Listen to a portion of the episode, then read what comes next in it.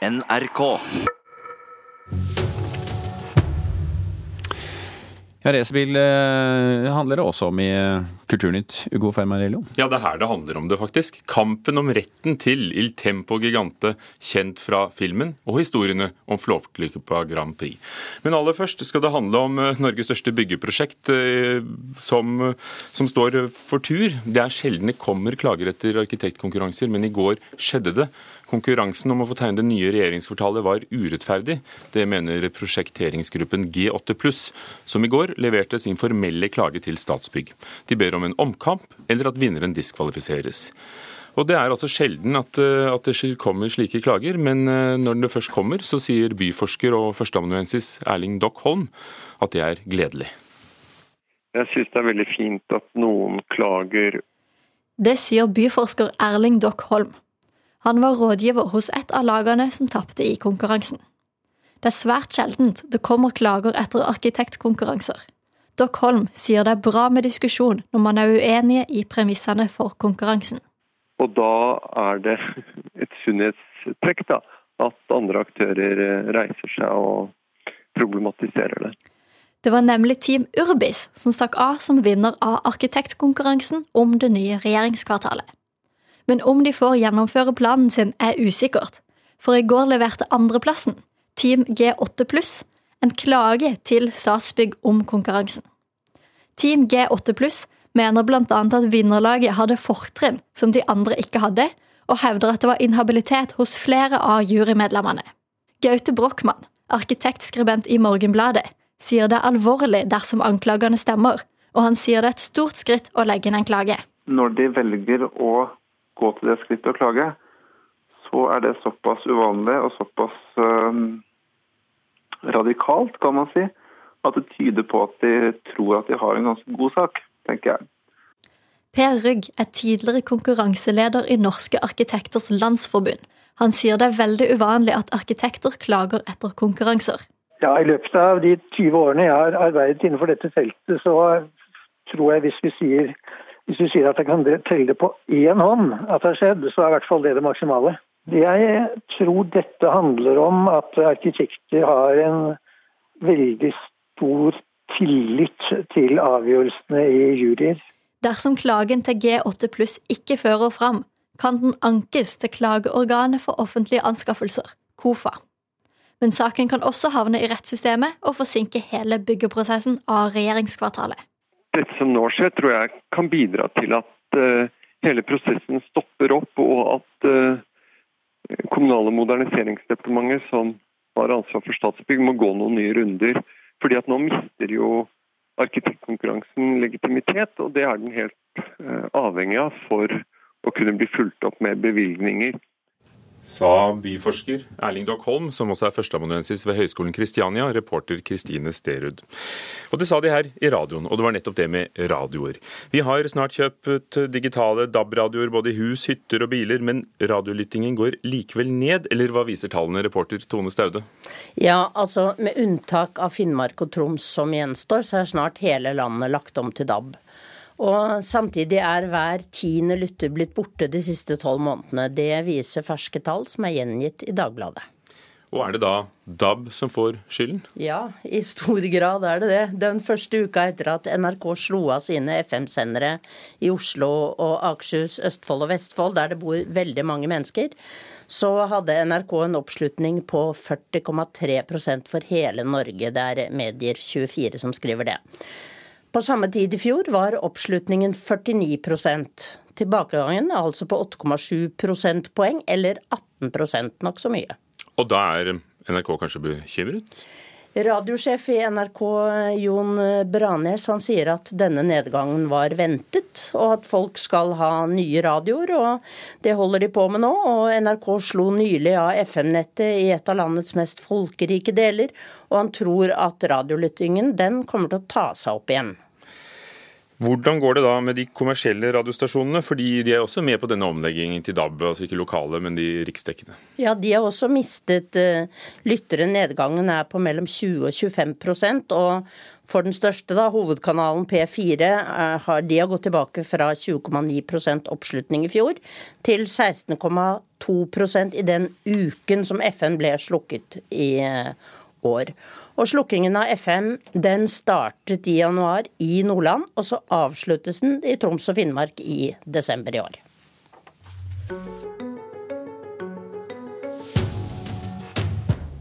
Vi skal 37 mil nordover, litt øst og litt oppover til den lille fillebygda Flåklypa. Dette var Kjell Aukrusts egne ord.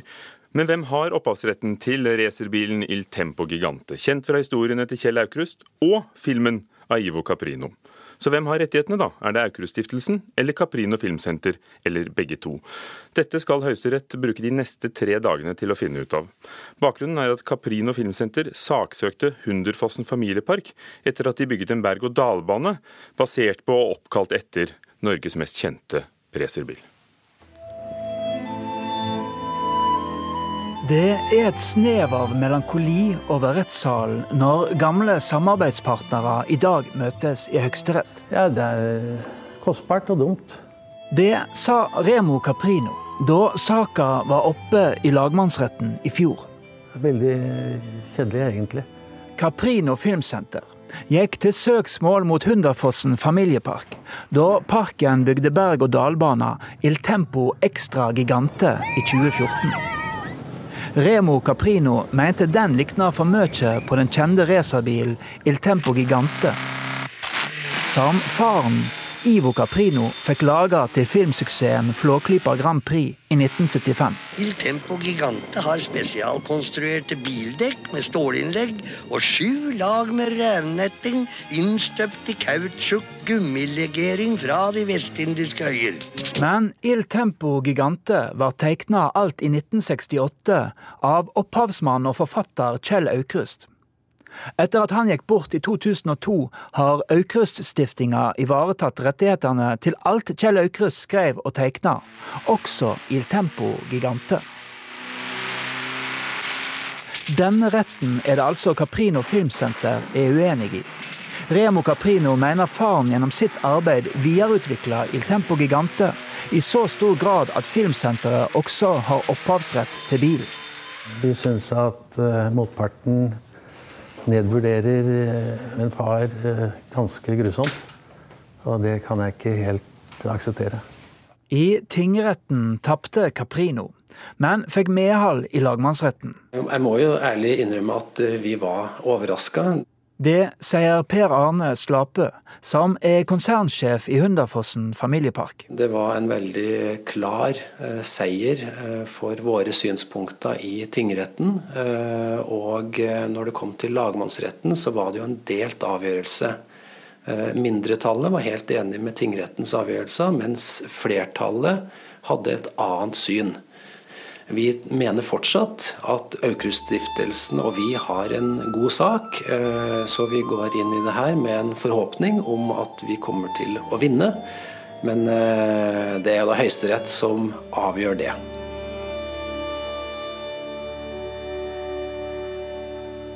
Og reporter var Arne Sørenes.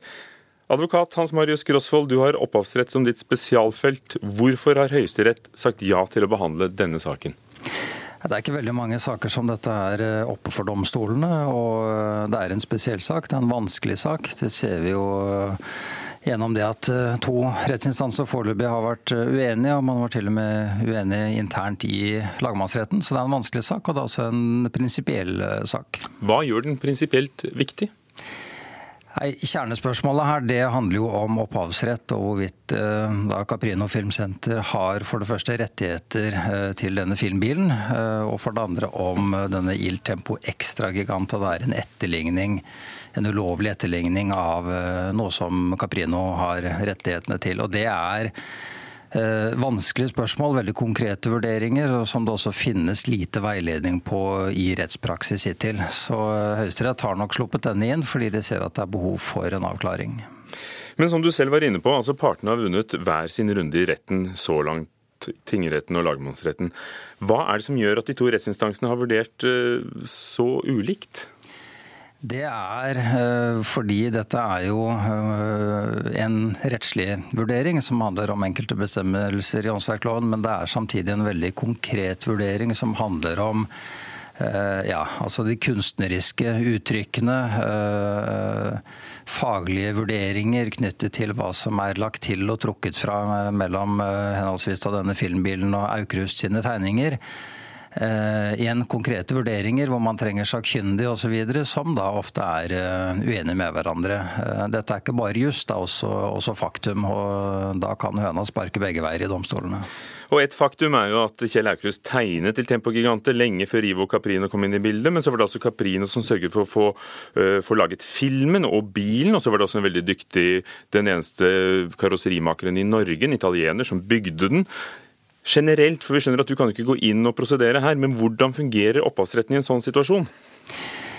Eh, det åndsverkloven sier, er jo at eh, en eller flere kan skape et åndsverk eh, og, da få rettigheter til det. Og så kan også noen gå inn og bearbeide et åndsverk og skaffe seg opphavsrett til den bearbeidelsen. Men det som da skjer, og det er jo det som er spørsmålet i denne saken, det er jo det at den som bearbeider det, ikke kan bruke åndsverket uh, uten at førstemann er, uh, er, enig. Vi skal ikke glemme Bjarne Sandemose her. Det var han som satt preget på denne filmbilen. Og spørsmålet er jo om ikke han, og da også hans arbeidsgiver Caprino, opparbeidet seg, kall det, ja, altså tilleggsrettigheter til det som Aukrust allerede hadde, hadde skapt. Og igjen, det er et veldig vanskelig spørsmål.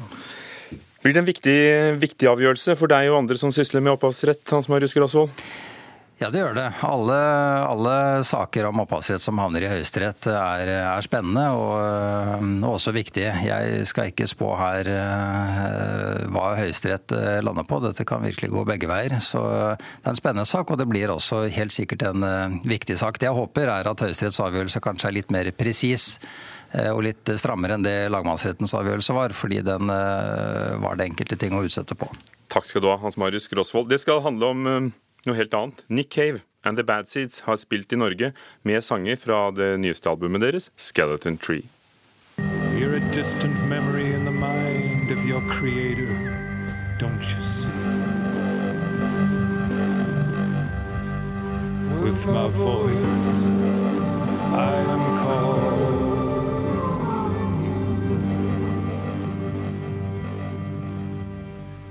Konserten var i Oslo Spektrum i går kveld. Jørgen Hegstad, musikkritiker i NRK.